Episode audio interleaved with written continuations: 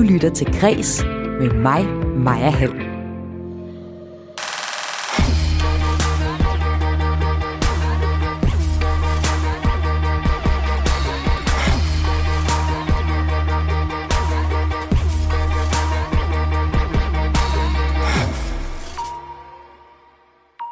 TV2-dokumentar om kulturen på kostskolen Herlufsholm får nu omfattende konsekvenser for skolen. Men det er ikke første gang, at vi hører om en hverdag præget af vold og mobning på landets kostskoler. Det er nemlig blevet belyst i populærkulturen igen og igen. Og først her i kulturprogrammet Græs taler jeg blandt andet med en forfatter, der har beskrevet den omfattende mobning, han selv var udsat for på Herlufsholm i 1970'erne. Og skal, så skal det også er i kreds handle om Cannes Filmfestival. Han har opført sig helt utilstedeligt og i øvrigt også torskedumt. Manden, der bliver omtalt her, er den anerkendte filminstruktør Asghar Farhadi, der nu sidder med i juryen i en af verdens mest prestigefyldte filmfestivaler, Cannes, der jo har tradition for at promovere menneskerettigheder. Men han står også midt i en retssag, hvor han har anklaget en kvindelig kollega for en forbrydelse, hvor straffen er 74 piskeslag. Og det er kritisabelt, at han nu sidder i juryen. Sådan lyder det fra flere, og det gør det senere i udsendelsen. En udsendelse, der også skal handle om et nyt kunstprojekt, der skal sætte fokus på en folkesygdom.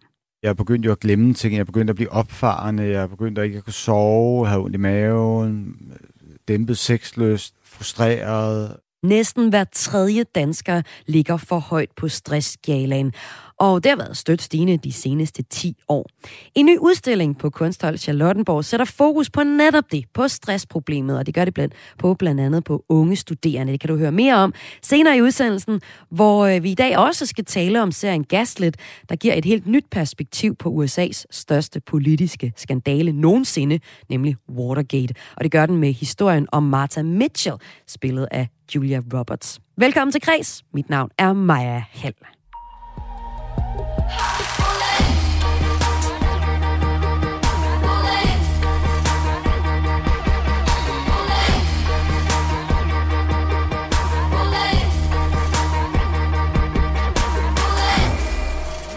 Vold, mobning og krænkelser er en udpræget del af kulturen på kostskolen Herlufsholm ved Næstved.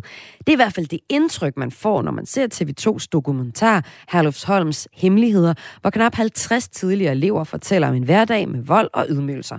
Konsekvenserne af dokumentarfilmen har bredt sig som ringe i vandet og fået store konsekvenser. Siden den havde premiere i torsdags, øh, skolens rektor Mikkel Kjellberg er blevet fyret. Det øh, omdiskuterede præfektsystem, hvor udvalgte elever har et ansvar for de yngre elever, er blevet afskaffet. Skolen har i gang sat en uvildig advokatundersøgelse, og en række politiske partier vil have undersøgt kulturen på landets kostskoler i det hele taget. Men det er ikke første gang, at kulturen på Herlevsholm og andre kostskoler kommer i søgelyset. Den er nemlig beskrevet i kulturen tal rige gange. Og en af dem, der har gjort det, det er min første gæst i kreds i dag. Det er dig, Bjørn Poulsen. Velkommen til. Tak. Du er billedkunstner, og så havde du i 2020 din øh, forfatterdebut med romanen Opkald fra Mælkevejen. Den her bog den handler om din opvækst med en skizofren mor, og også om dit ophold på netop Herlufsholm, som var præget af omfattende mobning. Så Bjørn Poulsen, var du overrasket, da du så dokumentaren på TV2? Nej, det, det var jeg ikke. Øh, altså, den der underkastelseskultur øh, med vold og mobning, den er meget, meget dybt indgroet i Halsholm. Um, øh, så det kan jeg ikke sige, at jeg var. Men så var jeg alligevel lidt overrasket, fordi at det virkede på mig som om, at den øh, fysiske vold på skolen var blevet voldsommere, end da jeg gik der. Altså, da jeg gik der, der var der også fysisk vold. Altså, præfekterne, de afstraffede med øh, lussinger og gok i nøden osv. Men det, øh, altså, men det, den primære vold var psykisk, vil jeg sige, at der var dernede. Ikke? Altså, øh, der blev råbt øgenavn efter en, eller man var, og især også en, altså en social isolation. Ikke? Så, øhm, så mens den fysiske vold, den, den, den virkede simpelthen, som den var blevet voldsommere. Det, det må jeg indrømme. Det, jeg troede, vi havde faktisk der, for et par år siden, da min bog udkom, der havde jeg det indtryk, at det faktisk, at de havde arbejdet med det der, ikke? dernede. Ja, du er selv udsat for øh, mobning, da du gik på øh, Herlufsholm. Øh, hvad var det, du oplevede på det her tidspunkt i Ja. 70'erne? Jamen, altså, jeg kom jo ned der, som du fortalte, min mor var skizofren, mm. ikke? og øh, vi havde levet på, øh, inden, i årene inden, der havde vi boet på, rundt på alle mulige forskellige hoteller i København, og vi havde også boet nogle år over på et slot i Sost, på øh, Sostrup Slot på Djursland, som blev kørt af nonner, og som var sådan en slags pensionat.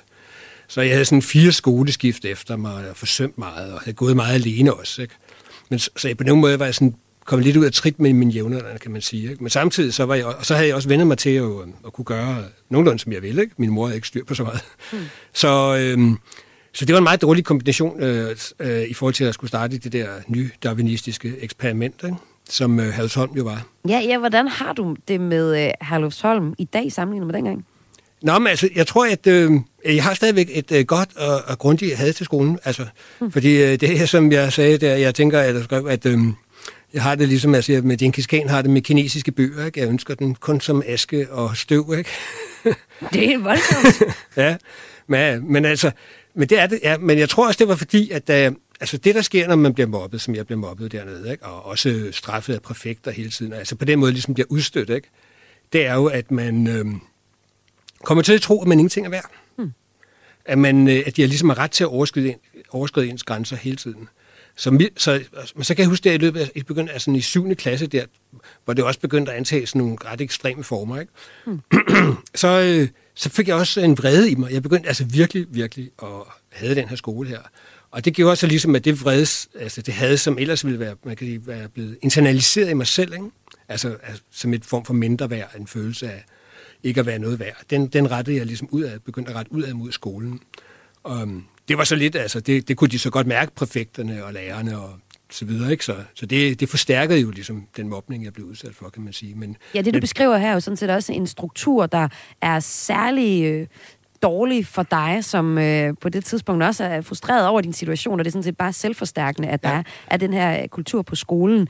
Øhm, din, din roman, som beskriver det her, den, din erindringsroman, ja. Der beskriver opholdet på Herlufsholm, øh, det har spillet en vigtig del, en rolle i dit liv, og det er også derfor, du skriver romanen. Ja. Men som en, der er gået på skolen og oplevet den her kultur indefra, som vi nu ser en dokumentar om på, aktuelt på TV2, hvad tror du så selv, der skal til, for at man kan ændre på det? Altså nu snakker vi jo om, der skal store undersøgelser og alt det her, men, men hvad tror du egentlig, der kan ændre på sådan en kultur her? Ja, det kan, der skal graves meget, meget dybt, ikke, vil jeg sige. Ikke? Altså, det er, fordi det er noget, der er dybt, dybt indgroet. Ikke? Altså, den nu fyrede rektor der, ikke? Altså, det er ikke nok at fyre ham. Han sagde jo for eksempel det der med, at I, det var kommet helt bag på ham med de her vold. Ikke? Men det, der var sagen, det er, og altid har været sagen dernede, det er jo, at den vold, som altså, altså det, der, det, det er jo elevopdragning, der foregår. Ikke? Det vil sige, det, altså, mobning er virkelig, og vold er, øh, er lærerne og, eller institutionen som sådan, der uddelegerer den værste øh, psykiske og fysiske vold til elever. Ikke? Det er det, der handler om, ikke? og sådan har det altid været. Ikke? Øhm, og det mærker jeg jo også, da jeg gik der, altså, at de, det foregik jo for øjnene af de her lærere og præfekter. Så de øh, elever, der mobbede mig, når de så kunne se, at der ikke blev grebet ind, eller måske nærmest, altså, du ikke, så, så faldt nærmest hæppet lidt, ikke? Så, øhm, så opfattede de det jo som om, at det var legitimt. Ikke? Ikke? Så der var, en, der var en tæt sammenhæng mellem, altså det var, det var sådan en slags udstødelsesmekanisme. Øh, ikke? Jeg var jo ligesom sådan et slags... Øh, jeg blev ligesom på en eller anden måde i højere og højere grad, tror jeg, betragtet som sådan et øh, fremmedlægeme, ikke? der var trængt ind i den her øh, ellers sunde organisme, ikke? og nu skulle øh, stødes ud. Ikke? Men Bjørn Mogensen, du var der øh, i, i 70'erne, der kan være sket meget siden. Ja, ja, og, det er øh, rigtigt. Og nu ser vi sådan her dokumentar her i 2022 med nogle rigtig grælde eksempler på mobning og også Ja. fysisk øh, vold. Vil du sige, at, at det helt afgørende, der skal afskaffes på skolen, det er det her, øh, hvor ældre elever øh, ja, ja, underviser, eller skal man sige, øh, tager ansvaret for, for yngre? Er det sådan den kerne af problemet ved det? Ja, Det er, det er, det er, det er helt sikkert. Ikke? Altså, nu er jeg jo, man- nu ved, i retssal, så er det jo ikke offerne, der dømmer øh, bøderne, vel? Mm. det har man objektivt folk til at gøre. Så jeg er jo selvfølgelig, så jeg er selvfølgelig præget af den, øh, den, de, øh, de ting der engang. Men jeg tror helt klart, at øh, jeg kan bare sige, at der, der, skal, der skal graves ret dybt. Ikke? Altså, fordi det er, det, er en, det, er en, det er helt sikkert en meget, meget, meget indgroet struktur. Ikke? Men, øh, men altså afskaffe præfektsystemet, det er selvfølgelig det indlysende første skridt. Ikke? Øh, det er klart, ikke? ikke? Sådan lød det her i hvert fald her fra Bjørn Poulsen, billedhugger og forfatter til bogen Opkald fra Mælkevejen, der netop handler om dit ophold på Herlufsholm. Tusind tak, fordi du var med i Gris i dag. Ja, tak. Og med bogen Opkald fra Mælkevejen, der skriver Bjørn Poulsen sig ind i en række af kunstnere, der har brugt livet på overklassens kostskoler som motor i deres værker. Det mest kendte er nok den svenske forfatter Jan Guillous selvbiografiske roman fra 2003. Den hedder Ondskab eller Ondskarn. Den beskriver et, øh, igen, et benhårdt miljø på en så fiktiv højskole, hvor hverdagen er, eller kostskole, hvor hverdagen er præget igen af vold og ydmygelser. I 2008, der udkom Jussi Adler Olsen med et andet eksempel på det her. Det var romanen Fasandræberne, som også beskriver et virkelig uhyggeligt og brutalt miljø på en fiktiv kostskole, der ligesom Herlufsholm, ligger i nærheden af Næstved. Og i 1993, der udgav Danser med drengesangen vi skal nok få gjort en mand ud af dig, som i parentes hedder Sorø Akademi 1967. Og den tekst, den er også skrevet på, af, af bassist øh, Claus Kjellerup, som selv gik på en kostskole Sørø, Sorø Akademi i 67. Så vi skal tale mere ned i, hvordan litteraturen og hvordan litterater gennem tiden har beskrevet øh, ophold på kostskoler. Men lad os lige tage en lille smule af Danser med drenge nummeret her.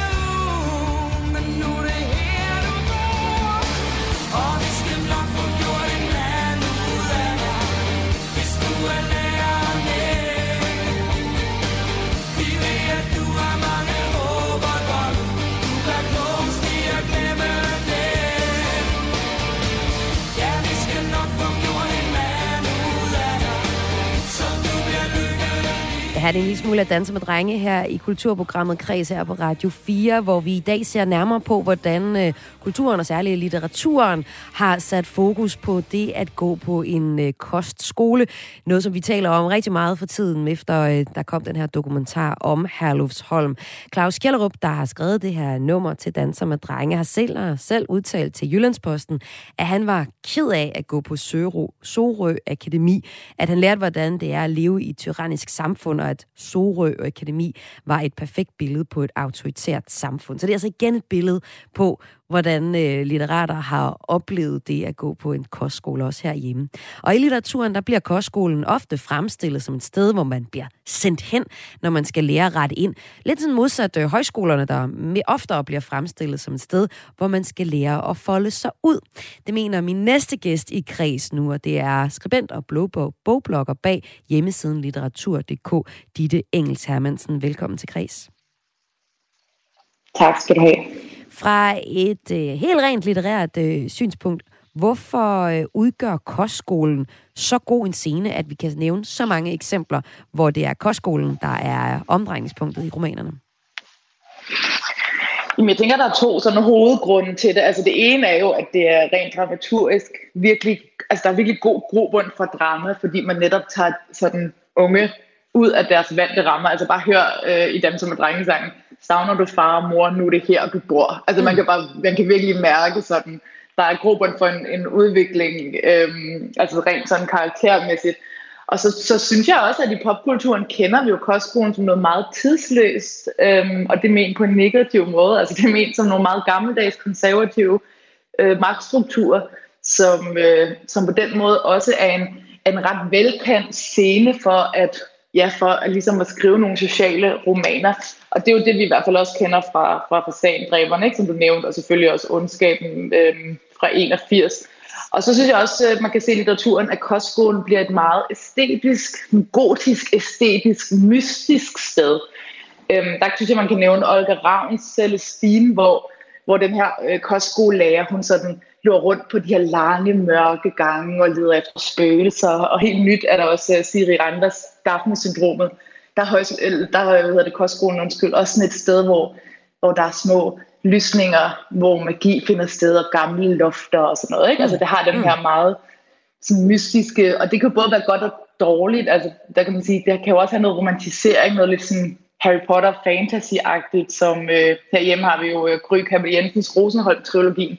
Altså det kan både være et godt sted, hvor magi kan opstå, men at det er i populærkulturen rigtig ofte, at det her sådan mørke, mystiske, det hører sammen med en meget mørk også magtstruktur. Ja, hvis vi lige tager magtstrukturen, øh, Ditte Hermansen. Hvad er det for en magtstruktur, eller for nogle magtstrukturer, der er på spil, når kostskoler sådan generelt set bliver beskrevet i litteraturen? Altså, det er jo, ja, det er jo som jeg også sagde, det er, det er noget meget gammeldags, og det, jeg synes også, det som øh, Bjørn Poulsen også fortalte, det kan jeg også meget genkende for den beskrivelse, jeg kender af kostskolerne, at det virkelig, i virkeligheden ikke er institutionen så meget som sådan. Altså institutionen er egentlig ret tit fraværende. Det er det her med de ældre elever, både, altså både om det er pige- eller drengekostskoler, men de ældre elever, der hele tiden skal sørge for, at mm. det nye skal rette ind.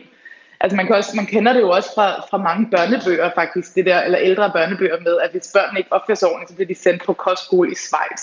Det er sådan en saying, man, sådan, altså man kender som sådan, så skal du rette ind, så skal du tilpasses, og det er ret spændende med det der med, at, at det netop er de ældre elever, altså det, det er på en måde kostskolen, der kører sig selv, altså det er ikke det der med sådan de unge, der holder sammen, og så noget udefra, der kommer, det er faktisk, altså det er det der med at blive knækket, mm. så man selv kan blive en del af det, og det er det, man og også sådan ja, hakkeordner, når man selv bliver mobbet, så mobber man længere ned i hierarkierne. Synes også er noget af det, jeg læser, når jeg læser de her bøger. Altså virkelig en, en hård, øh, et hårdt behov for, at hvis jeg bliver mobbet, så skal jeg mobbe videre, ikke? Ja, fordi at folk også dækker over hinanden, mm. og de slipper afsted med ting, og, og det er jo tit de her lidt følsomme unge protagonister. Altså jeg synes også et eksempel, hvis man også må nævne en, en Netflix-serie men Young Royals, den svenske Netflix-serie, der kom sidste år, der kommer jo også den her, altså den her unge fyr, hvor det der for ham er hans store issue, er hans seksualitet. Og så ser man, hvordan det bare bliver sådan en, enten så må han, må han lade sig knække og væve, eller også er han nødt til at forlade det. Der er ikke, der er ikke nogen mulighed for, for der er ikke noget revolutionært potentiale, fordi, at, den, altså fordi at, at eleverne ikke holder sammen. At netop fordi der er den her hakkeorden. Så det er ikke noget med, at man kan finde et fællesskab, der vælter systemet, fordi der er ikke noget fællesskab. Det er det, man, det er det, man meget, altså det er det, man meget kender fra, jeg synes, det er meget sigende, at det, at det, det bliver altid bliver beskrevet på den måde i popkulturen. Så det er hakkeorden igen, altså den her præfektkultur, som vi også øh, hørte vores gæst tidligere pege på som problematikken og omdrejningspunktet, er kernen af problemet ved kostskoler, som for eksempel Herlufsholm. Det er det, vi altså også ser i litteraturen. Det kan du også fortælle. Ditte Engels Hermansen, tusind tak, fordi du var med i Kreds. Selv tak. Skribent og bogblogger på hjemmesiden litteratur.dk. Og hun var med her i Græs i dag i anledning af TV2-dokumentaren Herluf Hol Herlufs Holm Hemmeligheder, så havde premiere i torsdags. Om lidt her i kulturprogrammet Kreds, som du har tunet ind på, der skal det handle om, at næsten hver tredje dansker ligger for højt på stressskalaen.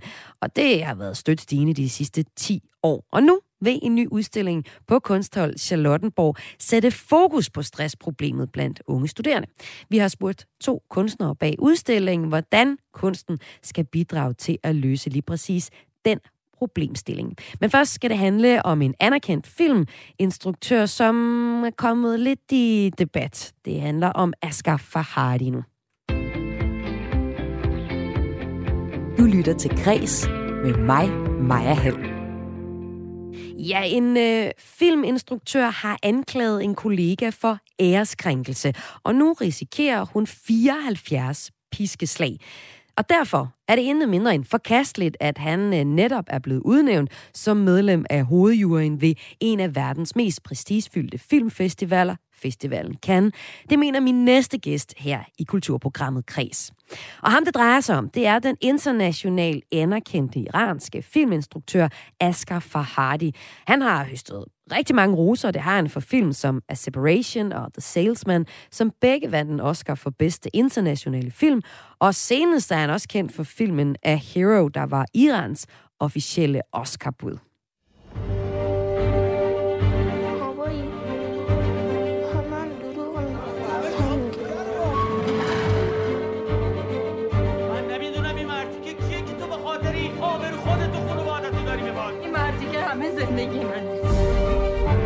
Og her i Kreds skal jeg nu sige velkommen til ansvarshavende chefredaktør på filmmagasinet Ego, Claus Christensen. Velkommen til. Tak. Du mener, at øh, det er forkert, at Filmfestivalen Cannes har udnævnt Asger Farhadi som medlem af hovedjuryen, fordi han lige nu er midt i en øh, ret speciel retssag. En kvindelig kollega, som tidligere har været hans liv, har beskyldt ham for at plagiere i et, øh, hendes filmplot, i hendes dokumentarfilm, og han har derfor officielt anklaget hende for æreskrænkelse. Hvorfor er det i dine øjne problematisk, at øh, en, en festival som, som kan har udnævnt Asger Farhadi til øh, hovedjuryen? Det er det, fordi det er en særlig udmærkelse at skulle sidde i hovedjuryen i Cannes. Det er verdens fineste filmfestival, den førende. Det er en humanistisk festival, og man vælger ikke kun nogle store kunstnere, men også nogle personligheder med en enorm integritet. Og så har man altså i år valgt, hvad jeg aldrig ville have sat spørgsmålstegn ved, Asger Farhadi, fordi han er en fremragende instruktør, men han har altså gjort det, at han har anlagt en sag om ærekrænkelse. Det er der jo sådan set ikke noget galt i at gøre, men man skal bare tænke på, hvor i verden han har gjort det. Det har han gjort i Iran. Og Iran har et øh, barbarisk, vil jeg godt sige, retssystem, fordi straffen her, den værste straf, den maksimale straf her, hvis denne her, hans tidligere elev, taber denne her sag, så øh, får hun altså to års fængsel, men derudover 74 piskeslag. Og det synes jeg ikke er værdigt for en øh, humanistisk filminstruktør. Ja, hvis vi lige skal se lidt på den her sag, så lad mig lige rulle den op for dig, der lytter med. Beskyldningerne mod Asger Farhadi kommer fra hans tidligere liv, øh, Ashade Masih Sade. Hun øh, har, mens øh, Farhadi underviste til en lavet øh, dokumentarfilm All Winners, All Losers, der handler om en mand, der under øh, udgang fra fængslet finder en pose guld og forsøger at levere den tilbage til ejermanden. Og det er altså plottet i hendes dokumentarfilm. Og øh, den det plot, det er i hendes øjne langt hen ad vejen det samme handling, der bærer plottet i Asger Farhadis anmelderuske film af Hero, der havde premiere sidste år. Hun er derfor beskyldt ham for plagiat, hvilket har fået ham til så at anmelde hende for æreskrænkelse. En forbrydelse, hvor, ja, som du fortæller, straffen i Iran altså er op til to års fængsel og også 74 piskeslag. Men hvis vi ser på Asger Farhadi, som vi sådan set også siger her, Claus Christensen, så er han egentlig en solstråle historie. Her i udsendelsen, der talte jeg med øh, programredaktør ved biografen Cinemateket, Rasmus Brandstrup, om netop hvem Asger Farhadi er han er kommet øh, til fadet på et tidspunkt, hvor at der har været en stærk generation af iranske filmmager, som har været lidt på retræte, blandt andet fordi, at de ikke kunne få lov til at lave præcis de film, de ville. Og i det tomrum, og det her taler vi fra slut 90'erne og frem til i dag, der har Asghar Farhadi, eller Farhadi, som man vil udtale det på farsi, der har han været den instruktør i landet, som har været klart bedst til at give de svage mennesker i samfundet en stemme. Så for udlandet at betragte, så har han været en, øh, de svages beskytter, en form for fornuftens stemme, som hele tiden har kunnet tale sætte, hvor svært det er at være borger i et land, som har ramt af fattigdom, øh, lyst til at flytte ud af landet, alle mulige uretfærdige regler og love, som gør det rigtig svært at være et frit tænkende og handlende menneske. Ikke mindst et, en fri og tænkende handlende kvinde, Øh, I det lys så er det en lille smule ironisk, at han har rodet sig ud i den her situation, som den nye film har. Så det kan jo være, hans... at øh, han næsten skulle lave en film om sig selv som den næste. For nu står han jo selv i en situation, hvor han har fået en plads i hovedjuryen hos øh, Cannes, og øh, har en sag kørende med en af hans øh, gamle studerende, som mener, at han, øh, han har anmeldt ham for plagiat for at have lavet en, øh, en fiktionsfilm, der simpelthen øh, tager alt fra hendes øh, dokumentarfilm. Og det har så han så anmeldt hende for æreskrænkelse, hvilket I øh, kan få den konsekvens, at hun blandt andet får de her 72 piskeslag for ære, eller 74 piskeslag og to år, op til to års fængsel for, øh, for æreskrænkelse. Det er sådan, at, øh, at straffen lyder i Iran. Og nu kan jeg godt tænke mig at høre dig. Øhm, vi har Claus Christensen med her, chefredaktør på øh, filmmagasinet Eko, der mener, at det er stærkt problematisk, at Kan har øh, taget øh, Asger Farhadi ind, når den her sag kører lige nu. Øhm, det mener du også, men du mener, der er en anden pointe, som øh, Claus Christensen ikke har med, der er væsentligere at få med det her perspektiv. Hvad er det? Ja, jeg synes måske, at det, set fra et strategisk perspektiv, så har Claus fuldstændig ret. Og ud fra et moralsk perspektiv, så er det også fuldstændig indlysende øh, for alle os, der har set begge film, at der er tale om et plagiat, og at man truer nogen med sagsanlæg for æreskrænkelse på basis af, at det, som Asghar Farhadi gør, øh, det er hovedløst, og jeg kan ikke forestille mig, at nogen jury med et snært af retfærdighedssans vil give ham ret. Øh, men det er jo så heller ikke sikkert, at den jury, som øh, sidder med sagen i Iran, er retfærdig. Men når det er sagt, så er Asghar Farhadi jo ikke under anklage for at have skabt et juridisk system, som er uretfærdigt. Så på en eller anden måde, så synes jeg, at man skal skille øh, skæg for sig og snot for sig. Så bare lige for at få det helt øh, klart. Du mener altså heller ikke, ligesom Claus Christensen, du mener ikke, at Asger Farhadi burde sidde i Kans hovedjury. Du mener, at han ikke burde gøre det, fordi han er en del af en plagiatsag, ikke nødvendigvis på grund af det iranske øh, lovsystem. Ja, og jeg synes også, vi skal huske, at øh, Asger Farhadi er jo ikke dømt endnu. Der er hverken øh, øh, jurist i mig eller i Claus Christensen, så vi ved jo ikke, om vi har sagens fulde billede. Det vil jo være ironisk, hvis det viser sig, at vi er hoppet i Asger Farhadis fælde. Altså, hans film handler jo dybest set om folk, der tror, de kender hele sandheden, og derfor kan moralisere og dømme. Men det gør de ikke altid, og det, det gør jeg heller ikke, det må jeg tilstå. Og sådan lød det her fra Cinematikets programredaktør Rasmus øh, Brandstrup. Og med her i kreds øh, i dag, der har jeg stadig ansvarshavende chefredaktør på filmmagasinet Ego, Claus Christensen. Og I er sådan set enige om, at Asger Farhadi ikke bør sidde i øh, juryen i Cannes øh, jury nu, hvor han har en plagiatsag kørende.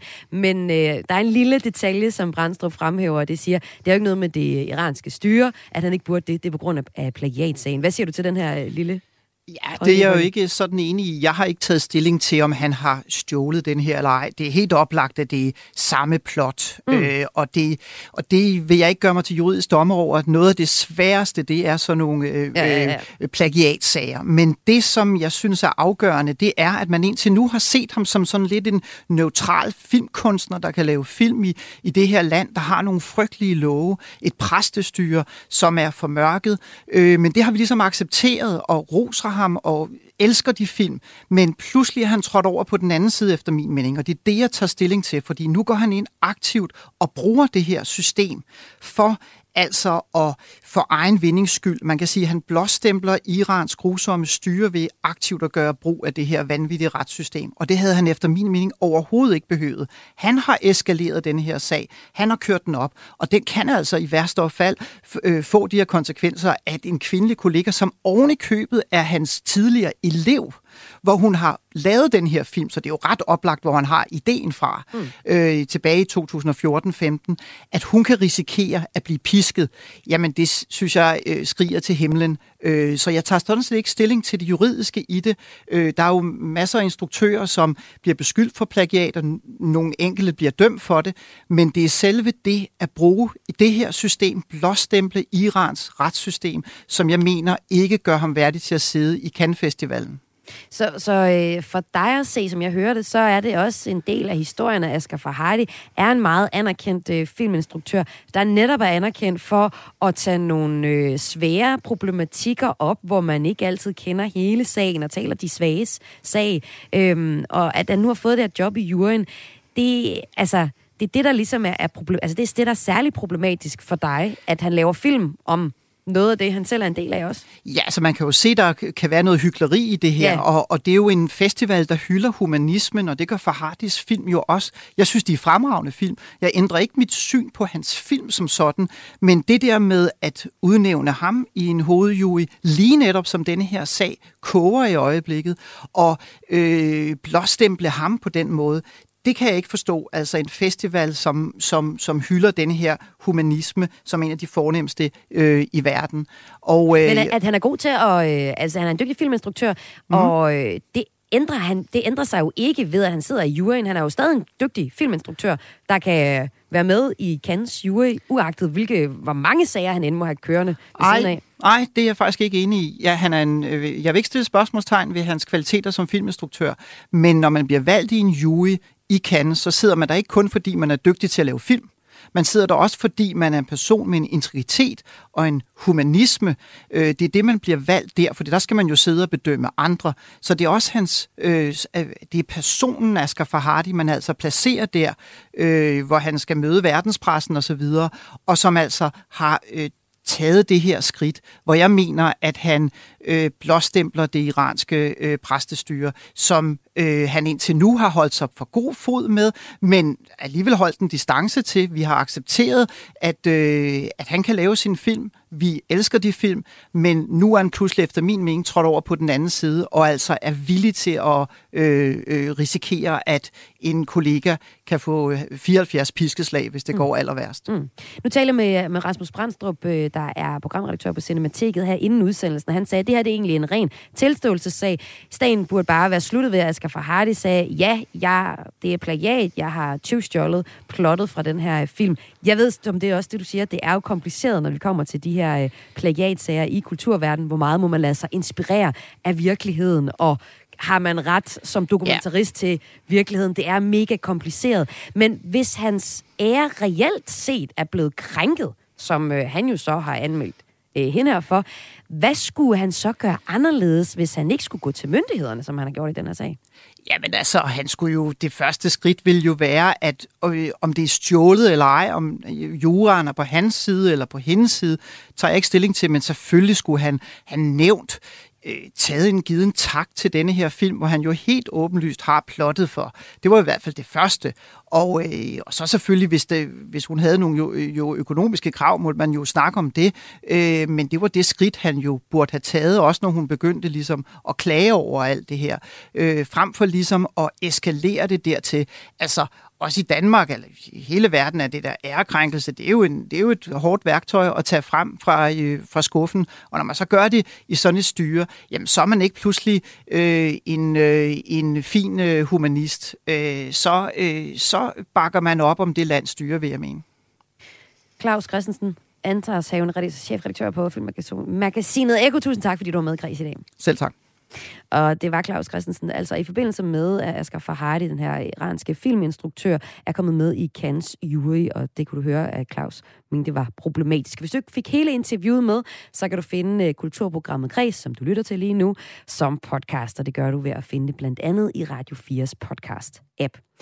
Om lidt skal det handle om Watergate-skandalen. Den er nemlig omdrejningspunktet i en ny serie.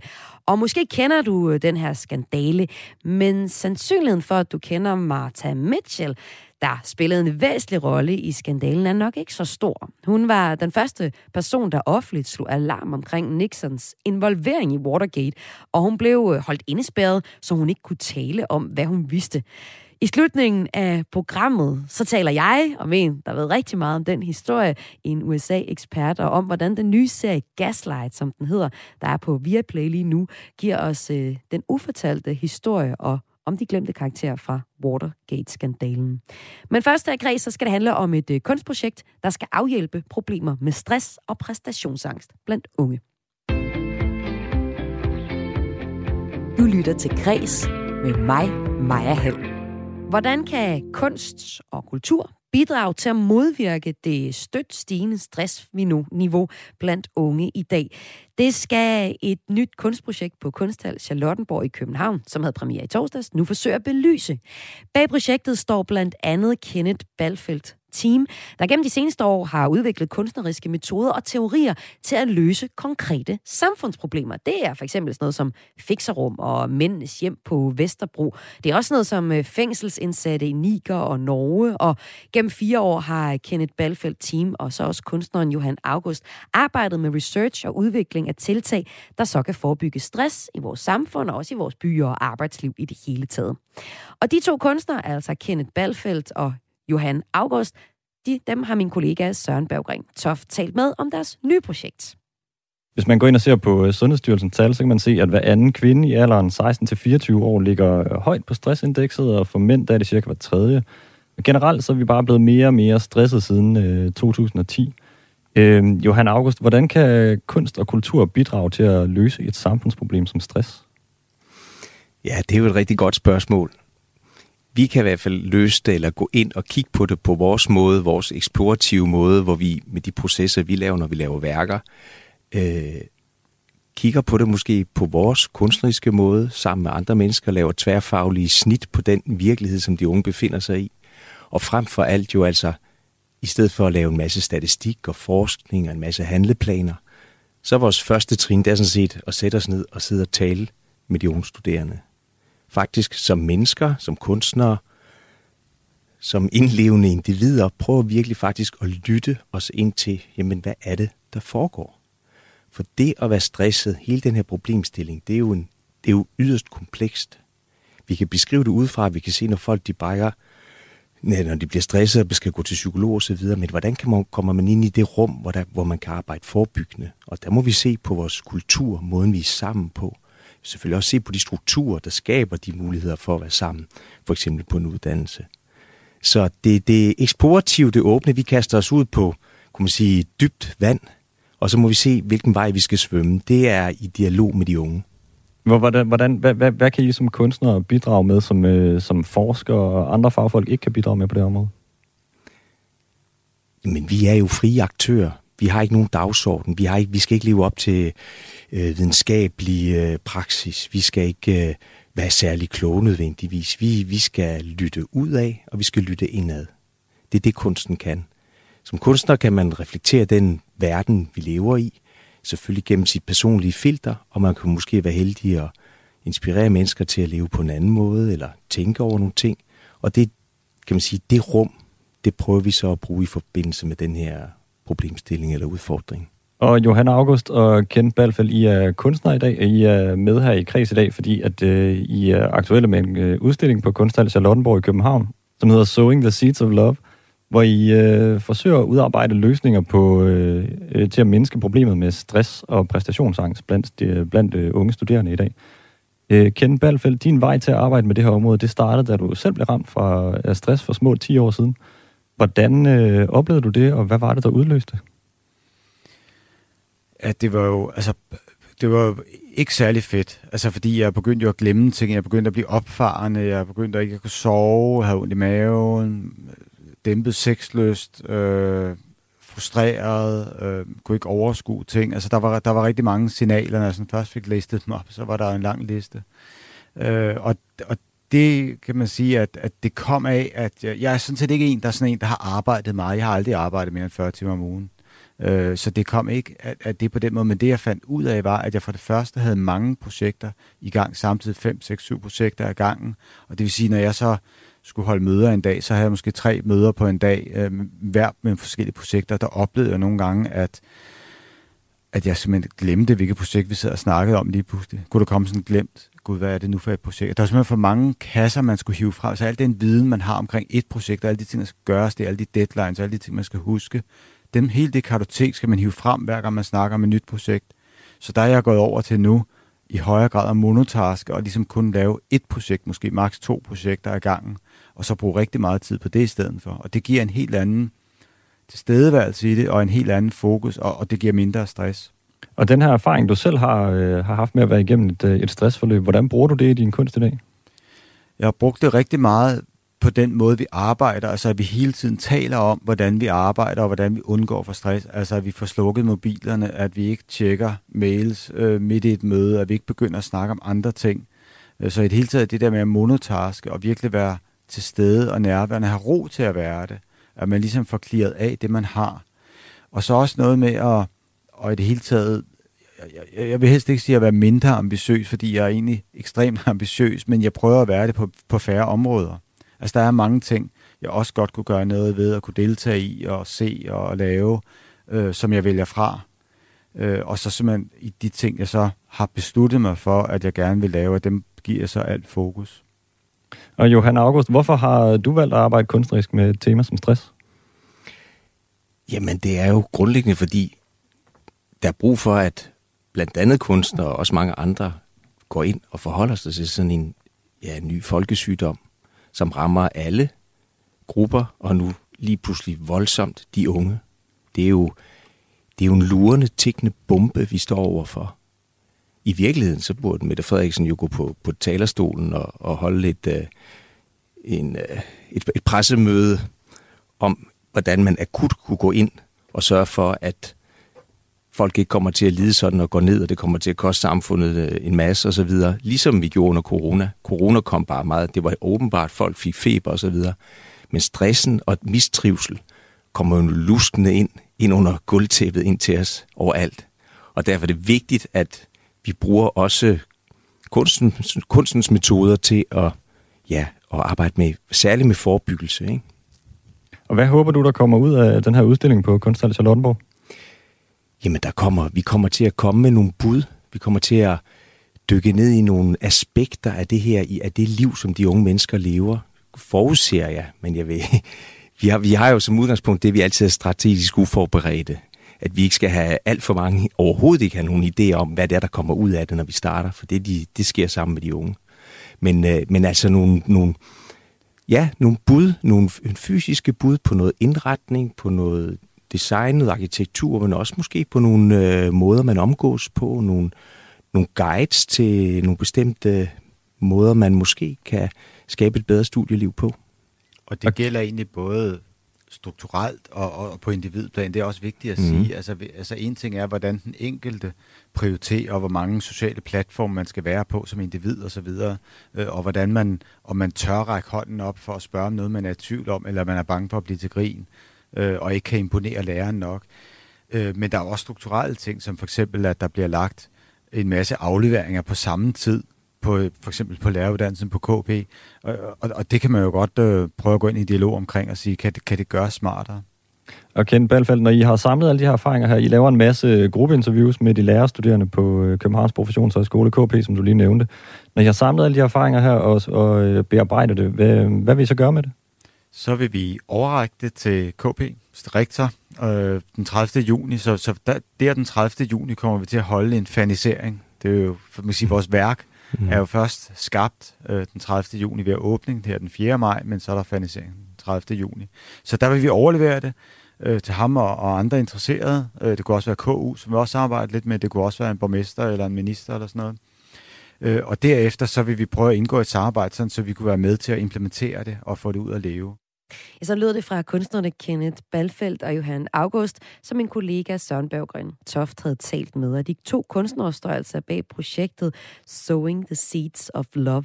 Og det er et projekt, der er, som jeg skulle høre i indslaget, en videreførelse af udstillingen Work It Out, som øh, sidste år fra sidste år på Kunsten i Aalborg, som fokuserer på at skabe mødelokaler med en afslappende atmosfære. Og nu er projektet gået ind i sin næste fase, hvor otte uger med gruppeinterviews og workshops så skal finde løsninger til at mindske stress og præstationspres. Og det er altså på øh, Charlottenborg, at det her kunstprojekt er øh, er sted. Så hvis du godt kunne tænke dig at være med i det, så kan du også være med. Du kan finde mere om det på Kunsthal Charlottenborgs øh, hjemmeside. Og udviklingsforløbet, det bliver afsluttet med en slags fernisering. Det gør det til øh, juni, hvor resultatet bliver præsenteret og altså bliver overragt til Københavns Professionshøjskole og de besøgende. Og øh, der vil efterfølgende være at se frem til en udstilling der så kører frem til starten af august. Du lytter til Græs med mig, Maja Hall. Og det sidste, det skal handle om i kulturprogrammet Græs i dag, er den nye serie Gaslight på Viaplay, der ifølge min næste gæst kan være med til at øh, nuancere vores forståelse af den største politiske skandale i USA's historie, nemlig Watergate-skandalen. Mitchell. I've had some disturbing news, sir. Operation Watergate security guards busted wide open.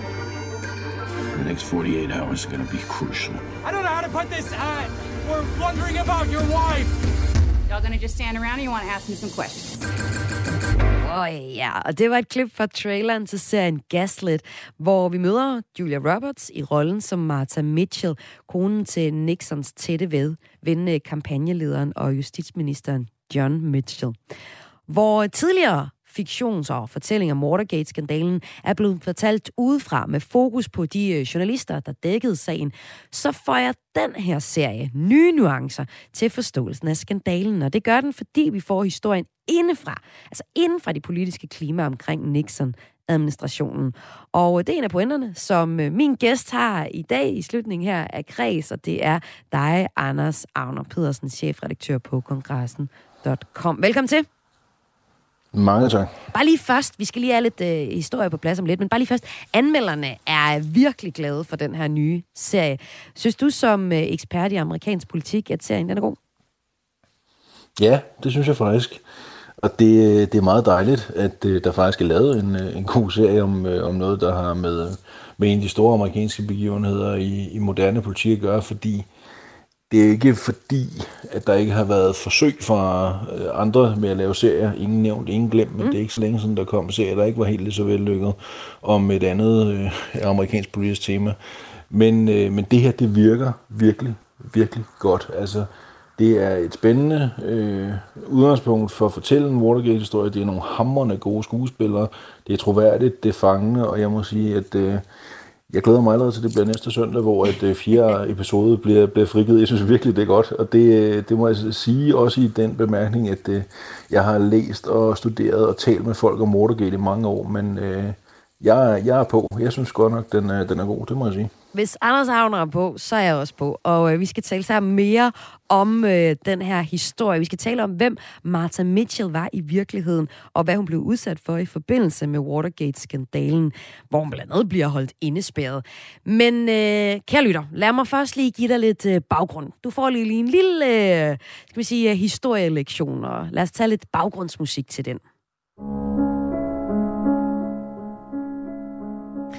Watergate-skandalen, det var en amerikansk politisk skandale, der i 1974 fik øh, Richard Nixon til, som den eneste præsident nogensinde, at forlade posten som præsident.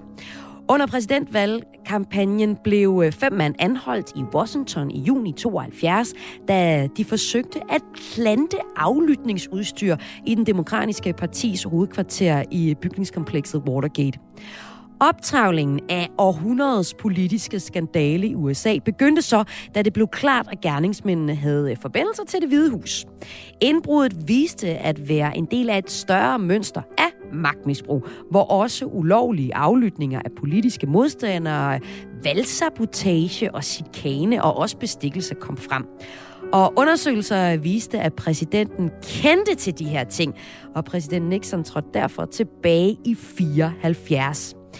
De store fortællinger om den her skandale, dem har vi fået fra for eksempel bogen Alle præsidentens mænd, der er skrevet af de to journalister Carl Bernstein og Bob Woodward, som undersøgte Watergate-skandalen, og øh, det er en bog, som så siden er blevet filmatiseret. Nu, og så kan jeg godt skrue ned for historielektions øh, underlægningsmusikken, for nu vi når op til i dag, får vi så fortællingen fra blandt andet Martha Mitchells synspunkt. Og det får jeg nye nuancer til fortællingen, for hun var gift med Nixons tætte ven og kampagneleder John Mitchell. Du beskriver, Anders Agner, som er med her i Græs i dag, hende som en kvinde, der ofte lå i konflikt, også inden Watergate, med staten omkring præsident Nixon. Hvorfor gjorde hun det? Jamen fordi øh, Martha Mitchell var en åbenmundet kvinde, og øh, meget kan siges om øh, Nixon og hans øh, administration, men åbenmundet, det var den godt nok ikke. Øh, tværtimod, så var det en, en lukket klub, hvor at øh, man i øvrigt ikke altid helt spillede efter reglerne, og hvor at øh, man ligesom tænkte, at øh, vi må godt, altså husk på, den mand, der jo altså var præsident på det tidspunkt, Richard Nixon, på et tidspunkt, et senere interview, efter han var gået af som præsident, sagde, at øh, han mente, at når præsidenten gjorde noget, så per automatik var det ikke ulovligt. Altså, okay. Altså, det er ligesom den måde, man skal forstå Nixons øh, sådan inderste cirkel af folk. Og i den her inderste cirkel, der er John Mitchell, som er, som du nævnte her i oplægget, en af Nixons nærmeste. Mm kampagnechef, justitsminister, og det vil sige en mand, der virkelig, virkelig er tæt på den amerikanske præsident. Og når han så er gift med en kvinde, øh, hun kom, øh, Martha Mitchell, kom fra, fra sydstaten ned fra Arkansas, og hun blev derfor med et engelsk udtryk kaldt The Mouth from the South, mm. altså med henvisning til, at hun var en, en åbenmundet kvinde. Og også det her med, at det hun var... Det ikke. Øh, åbenmundet. Det var netop også noget, der blev brugt rigtig meget i, for, i historiefortællingen om hende. Det skal vi også øh, tale lidt mere om. Men, men øh, det her indbrud i Watergate-skandalen, som øh, bliver opdaget, øh, så inden det så sker det, at øh, holdet omkring Nixon bliver nervøse for, at Martha Mitchell skal sige noget til pressen. For som du siger, så er hun kendt for at tale. Hun er åbenmundet. Øh, så de holder hende simpelthen fanget. Hvad er det, der sker med virkeligheden til Martha Mitchell? Jamen, det er helt, det er helt vanvittigt. Det er jo det, så godt et plot for en serie, ikke? I virkeligheden. Jo, men det er ja. fremragende. Det er ja. også derfor, det er en god, det er en god serie. Den er ja. meget vellykket, den er meget spændende. Den er... Øh, altså, historien om, hvad der sker her med, med Martha Mitchell, er, at da det går galt med indbruddet i Watergate-bygningen i sommeren 1972. Og der skal man forstå, at John Mitchell, Marthas mand, er virkelig central i den her øh, affære. Altså, han ved alt, hvad der foregår. Han har siddet til møder, hvor det er blevet planlagt osv. Han ved fuldstændig, hvad der, skal ske. Det går galt, og det første, man tænker, da det går galt, det er, åh, oh, oh, okay, de første par døgn, det bliver virkelig kritisk. Vi skal prøve at se, om på en eller anden façon, vi kan få indkapsuleret skandalen, så det ikke eksploderer. Ingen må vide, hvor det her i virkeligheden, hvor langt op det her kommer fra, at både justitsministeren har været inde over det, og præsidenten har været inde over, og ting og alt det her, det må ikke slippe ud. Og så er det, man ret hurtigt identificerer, at øh, en af de største potentielle farer, der er for, at det her slipper ud, det er Martha Mitchell.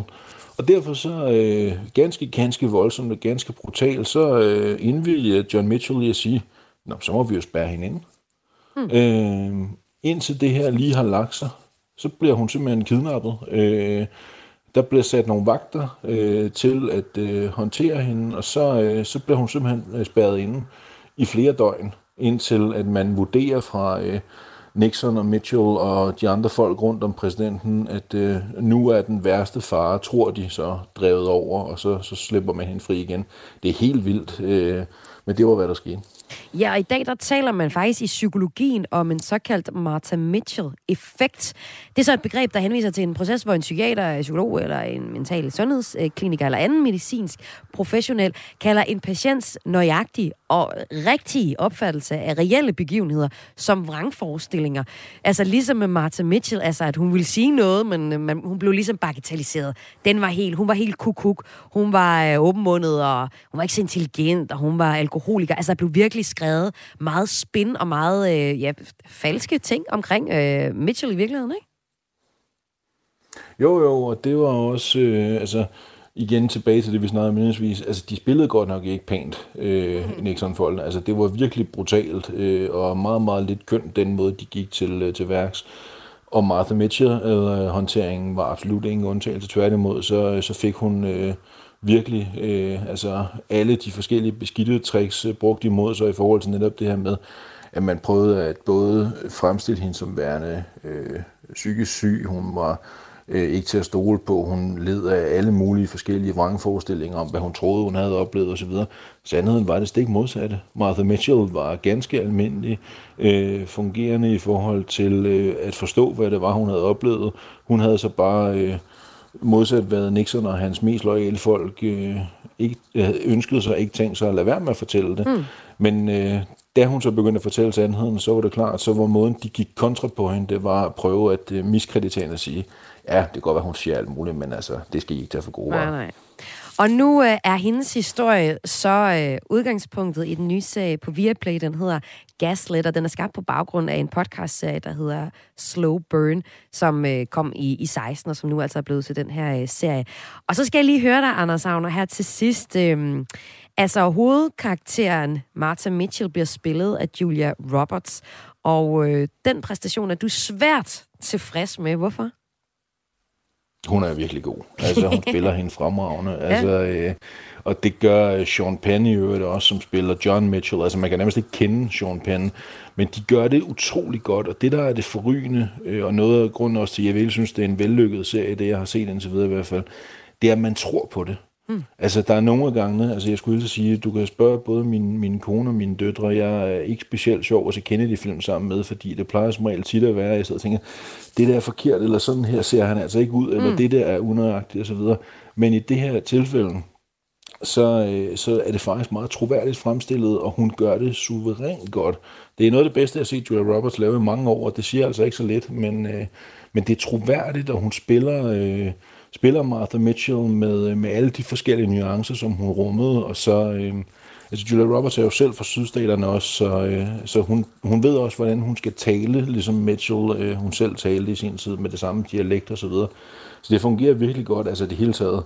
Man siger sige, Sean Penn også. Øh, man kan jo gå ind, når man har hørt programmet her færdigt, og prøve at google et billede af det, eller gå ind og se serien, men det er helt vildt. Altså det, øh, jeg har hørt, at man brugte dagligt over to timer på at sminke ham om fra at ligne Sean Penn, som lytterne jo sikkert godt ved, hvordan ser ud, øh, til at han pludselig bliver omdannet til en lidt overvægtig, halvskaldet, ældre, øh, gråhvidhåret mand. Øh, og det kan næsten ikke komme længere væk fra, hvor Sean Penn er. Altså det bedste måde, man kan forklare det, det er jo ligesom dengang, da Christian Bale, vores allesammens Batman, han lige pludselig kom til at ligne Dick Cheney. Øh, der er nogenlunde lige så lang en rejse fra, at Sean Penn pludselig kommer til at ligne John Mitchell, men det virker altså. Og øh, det lyder også som en anbefaling, der kommer her fra Anders Agner Pedersen, chefredaktør på kongressen. Altså til, at dig, der lytter med, skal se uh, Gaslight. Tusind tak, fordi du var med, Anders. Selv tak. Gaslight kan du se lige nu på, eller Gaslit hedder det, på streamingtjenesten via Play. Og øh, det var øh, Græs for i dag. Et program tilrettelagt af Lene Grønborg Poulsen og Søren Berggren Toft. Og jeg har været din vært de sidste 55 minutter. Det er igen i morgen. Mit navn er Maja Hall. Og øh, hvis ikke vi lyttes ved på podcasten, så lyttes vi i hvert fald ved i morgen kl. 14.05 her på kanalen, hvor vi altså sender Græs igen.